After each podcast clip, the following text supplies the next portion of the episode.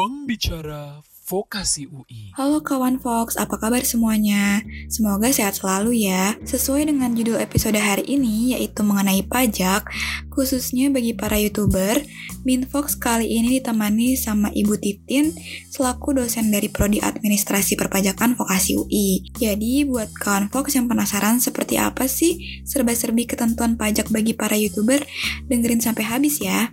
Oke, kita langsung sambut saja narasumber kita kali ini, yaitu Ibu Titin. Halo Ibu Titin, apa kabar? Baik, selamat pagi Kadek. Sebelumnya, saya Kadek mengucapkan terima kasih kepada Ibu Titin yang sudah berkenan meluangkan waktu untuk menjadi, menjadi narasumber di podcast hari ini. Uh, bisa kita mulai pembahasannya ya Bu? Boleh, silakan. Sebelum membahas mengenai pajak bagi YouTuber, boleh nggak Bu Ibu jelasin secara singkat apa itu pajak penghasilan atau PPH dan apakah ada undang-undang tertentu yang mengatur mengenai pajak penghasilan tersebut? Ya, jadi uh, pajak penghasilan itu mengatur tentang uh, apa ya penghasilan yang dikenakan pajak ya. Uh, kemudian uh, siapa subjeknya, objeknya itu apa saja. Nah, uh, kalau undang-undangnya sih sebenarnya dari tahun berapa ya? 83 tuh udah ada, tapi terakhir uh, berubah-berubah terakhir itu di uh, perubahan terakhir itu adalah dari undang-undang harmonisasi perpajakan yang di uh, apa namanya diubah itu tahun lalu kalau nggak salah akhir tahun lalu. Nah, kemudian apakah jenis pekerjaan seperti youtuber dan sejenisnya dapat dikenai wajib pajak? Ya, jadi uh, kalau youtuber itu kan intinya gini, pokoknya kalau pengertian daripada penghasilan itu kan adalah setiap uh, apa namanya tambahan kemampuan ekonomis yang diterima atau diperoleh wajib pajak ya uh, dengan nama dan dalam bentuk apa pun gitu ya uh, yang baik diperoleh dari Indonesia maupun dari luar Indonesia. Jadi setiap orang yang memenuhi ketentuan subjektif maupun objektif ya termasuk youtuber itu dia tentunya atas penghasilan itu bisa dikenakan pajak di Indonesia. Hmm. Uh, lalu bagaimana ketentuan penerapannya? Karena uh, seperti yang kita tahu penghasilan seorang youtuber itu kan nggak uh, selalu stabil ya, tergantung dengan jumlah subscriber dan juga viewer gitu.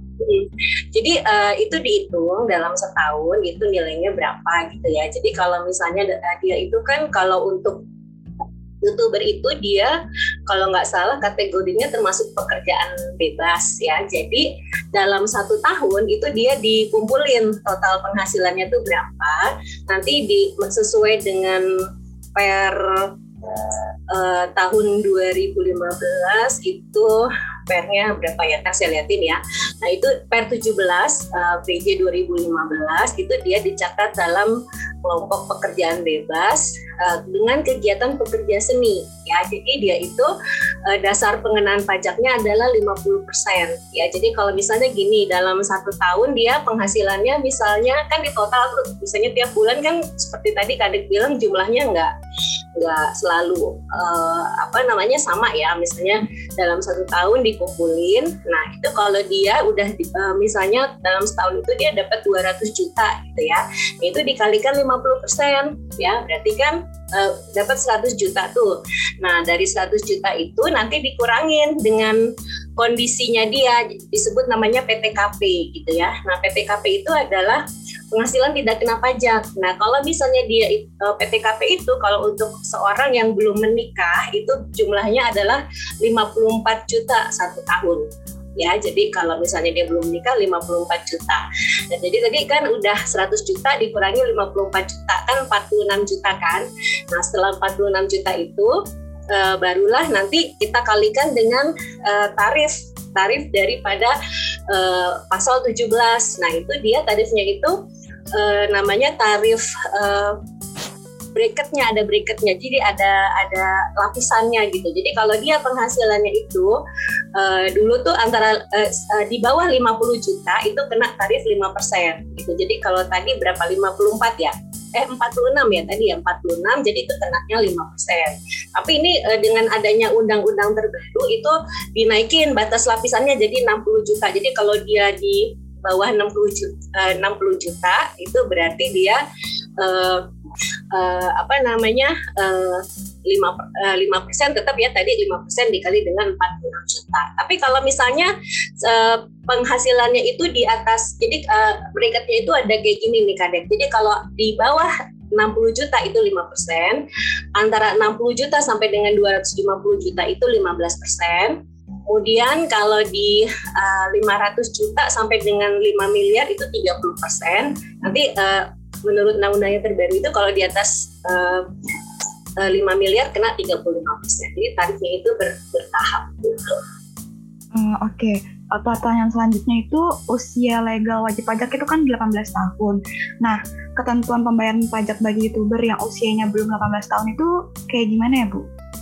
Nah, gini, jadi sebenarnya kalau bukan dibilang wajib pajak eh, apa wajib membayar pajak itu harus 18 tahun nggak gitu. Jadi gini, kalau eh, kita kan kalau wajib pajak itu kan uh, mempunyai uh, apa namanya uh, uh, apa wajib untuk mempunyai nomor pokok wajib pajak. Itu kalau kita uh, mau mempunyai nomor pokok wajib pajak itu dia uh, apa namanya memang usianya 18 tahun. Tetapi kalau misalnya seseorang sudah memenuhi ketentuan tadi ya subjektif dan objektif itu walaupun usianya di, di bawah 18 tahun itu dia sudah harus atau wajib membayar pajak. Jadi misalnya gini, uh, apa itu ketentuan subjek, subjektif dan objektif? Subjektif itu gini, jadi seseorang itu dikatakan dia itu uh, sebagai subjek pajak apabila subjek pajak dalam negeri ya sub, subjek pajak dalam negeri nah misalnya uh, kan subjek pajak itu ada dua ya ada orang pribadi ada badan jadi kalau misalnya youtubernya ini uh, sebagai orang pribadi itu dia kalau misalnya dia ber, e, bertempat tinggal di Indonesia lebih dari 183 hari atau mempunyai niat untuk tinggal di Indonesia atau uh, apa memperoleh penghasilan di Indonesia gitu ya, nah itu dia sudah dikatakan subjek pajak gitu. Jadi uh, kalau misalnya uh, ada kayak sekarang tuh kan banyak tuh youtuber-youtuber cilik gitu ya. Masih kecil tapi udah pinter cari uang gitu ya. Nah itu kalau misalnya dia meng, uh, menghasilkan uang menghas ada penghasilannya itu dia uh, digabung dengan orang tuanya. Jadi ngikutin NPWP orang tua. Seperti itu. Jadi penghasilannya itu kayak uh, sebagai penghasilan keluarga gitu jadi masuk ke misalnya orang tuanya misalnya dalam hal ini ayahnya gitu ya. Jadi masuk kepada uh, digabung dengan penghasilan orang tua. Oke baik, uh, ini pertanyaan terakhir sekaligus penutup ya Bu. Uh, bagaimana langkah-langkah awal bagi youtuber yang baru mengetahui mengenai hal ini? Uh, apakah ada tips-tips tertentu yang sekiranya dapat membantu bagi populasi?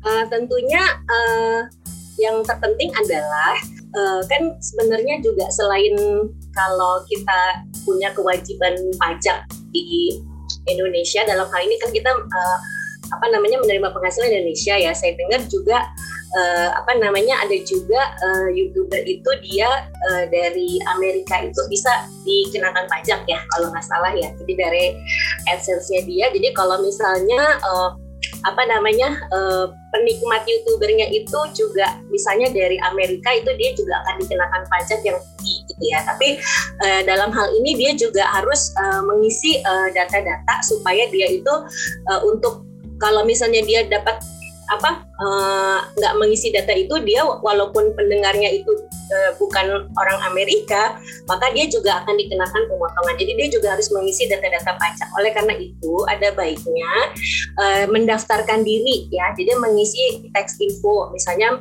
uh, apa namanya dia itu uh, sudah ber-NPWP apa belum? Jadi kalau misalnya dia udah memenuhi tadi ya persyaratan subjektif dan objektif sebaiknya itu daftar ke kantor pajak. Di mana pendaftarannya itu sebenarnya sekarang udah gampang nggak harus datang jadi bisa juga lewat uh, online dengan uh, masuk ke websitenya di pemerintah di pajak.go.id itu ada e-registration. Jadi bisa daftar NPWP-nya langsung diproses maksimal satu hari kerja setelah seluruh dokumen tentunya lengkap dan benar. Nanti NPWP-nya itu elektronik secara otomatis akan dikirim ke alamat email dari wajib pajak. Jadi nggak usah capek-capek ngantri datang ke sana, ngabisin waktu itu bisa langsung kita daftar secara elektronik gitu. Kemudian kalau misalnya udah terdaftar, ya uh, apa namanya uh, kita uh, menghitung penghasilan kita uh, sesuai dengan uh, apa namanya uh, berapa gitu. Nah kemudian nanti kita bayar pajaknya. Jangan khawatir kalau misalnya ada teman-teman yang mengalami kesulitan untuk menghitung, kita dari program vokasi perpajakan di Universitas Indonesia itu punya yang namanya klinik pajak. Nah silakan datang ke sana, kemudian juga bisa janjian dengan teman-teman mahasiswa di sana, itu bisa dibantu untuk menghitung pajaknya gratis.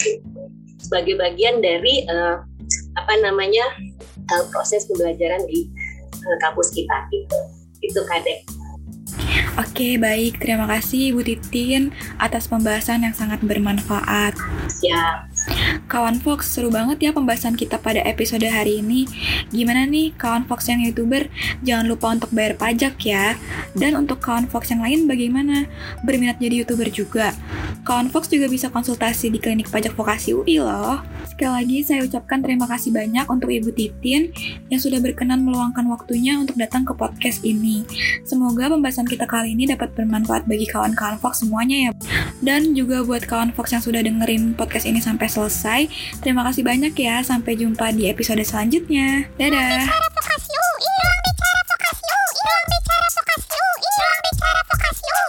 Ruang Bicara Vokasi UI